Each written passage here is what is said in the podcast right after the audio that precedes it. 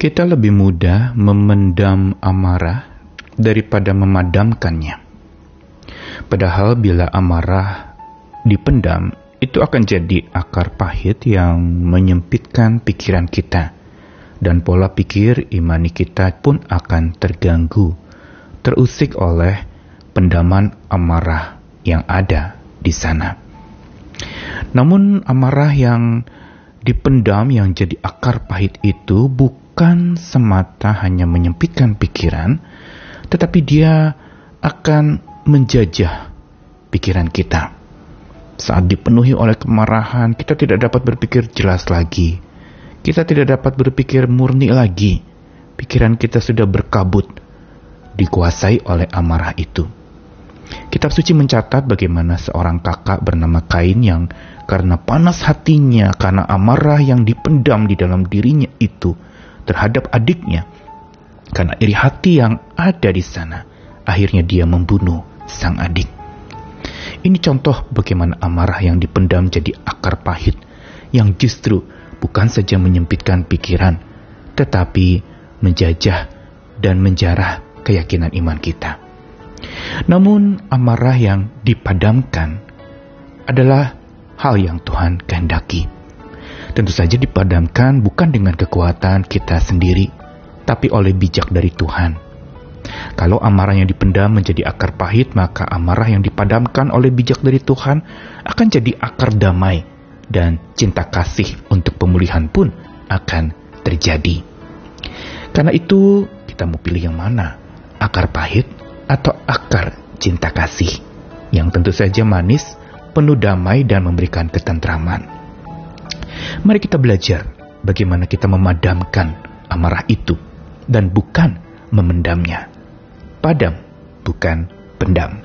Saya Nikolas Kurniawan kembali menemani di dalam Sabda Tuhan Hari ini dari Efesus pasal 4 ayat 26 sampai yang ke-25 sampai 27. Ketiga ayat ini merupakan bagian dari karakteristik seorang manusia baru yang sudah diperbaharui oleh kasih Tuhan.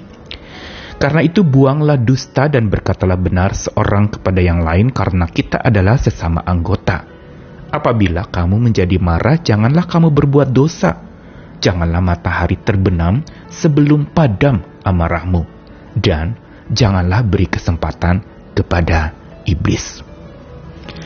Bagian ini yang merupakan cuplikan ciri manusia baru adalah manusia yang bukan saja menjadi pribadi yang lebih baik dari sebelumnya, tapi pribadi yang hidup benar, berarti berkata benar dan membuang segala macam dusta di dalam hidupnya.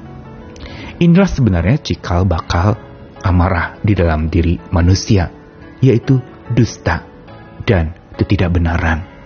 Itu menyebabkan seseorang lalu kemudian mempercayainya, dan karena percaya kepada dusta dan hal yang tidak benar itu, dia menjadi marah. Dan dikatakan bahwa apabila kamu jadi marah, janganlah kamu berbuat dosa. Dan kata lain bahwa sebenarnya kita sah-sah saja marah, karena manusia punya perasaan.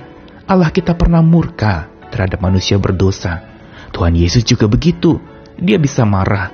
Roh Kudus juga bisa didukakan, bersedih, kecewa ketika manusia lebih mengikuti keinginan daging daripada keinginan dan pimpinan roh itu. Namun dikatakan bahwa bila Allah saja marah, kita juga bisa jadi marah. Tapi bila kita marah, janganlah berbuat dosa. Berarti bagian ini sebenarnya ingin mengatakan bahwa kita oke okay menjadi marah, tapi jangan jadi pemarah. Jangan biarkan marah itu tinggal di dalam hati kita. Bukankah dalam kitab suci juga mencatat bahwa amarah manusia tidak mengerjakan kebenaran di dalam hidup manusia? Begitu juga amarah itu menetap di dada orang bodoh yang berarti kalau kita membiarkan marah menguasai hati kita, kita tidak mengampuni, kita tidak lalu membiarkan Tuhan memimpin dan menolong kita untuk memadamkan amarah itu, tapi kita memendam begitu rupa, maka kita sebenarnya sedang menjadi pemarah, bukan sekedar marah lagi. Dan pada saat kita menjadi pemarah dan kita memendam amarah kita yang menjadi akar pahit lalu kemudian menyebabkan kebencian, dari kebencian menyebabkan pembunuhan, maka di situlah sebenarnya kita memberi kesempatan kepada si iblis. Memberi kesempatan kepada si jahat. Bukankah ketika seorang marah, dia ada dalam kondisi yang paling lemah. Dan saat ketika dia ada dalam kondisi paling lemah, si jahat bisa menguasai dia sehabis-habisnya, sekuat-kuatnya, sampai dia akhirnya tidak dapat lagi mengontrol emosinya. Memadamkan amarah bukan memendamnya, tapi mengungkapkan dengan bijak sambil berpijak pada kebenaran. Tuhan inginkan kita melakukannya, tentu dengan pertolongan Tuhan. Dengan berkata benar satu dengan yang lain, tidak lagi hidup dalam dusta, dan terus hidup di dalam cinta kasih dan damai Tuhan. Karena itu pelajaran hari ini ingin mengajarkan kepada kita, kalau kita memendam amarah tanpa memadamkannya oleh kuasa kebenaran Allah, kita sedang beri kesempatan kepada si jahat untuk berkuasa menjajah keyakinan kita dan menjarah keyakinan kita sampai kita tidak yakin lagi terhadap Tuhan. Kita tidak yakin lagi terhadap sebuah kebenaran dan saat itu hidup kita tidak ada ketentraman. Ketika kita memendam amarah itu, tidak ada yang namanya tentram. Tapi saat kita memadamkannya oleh pertolongan Tuhan, Sang Maha Kasih, yang penuh dengan kuasa dan keadilan itu, maka pemadaman yang kita lakukan terhadap amarah kita akan membuat hidup kita menjadi tentram. Karena itu segera padamkan agar hidup kita jadi tentram. Jangan biarkan amarah menguasaimu.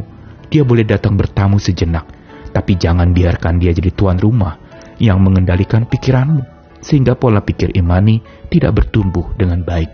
Yang ada adalah pola pikir kedagingan, pola pikir duniawi, pola pikir yang justru menghancurkan diri sendiri. Mari kita padamkan amarah itu.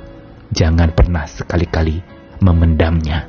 Tuhan mengasihi kita dengan pertolongan hikmatnya, kita bisa maju lagi, melangkah bersama dengan Tuhan, hidup di dalam damai dan cinta kasihnya.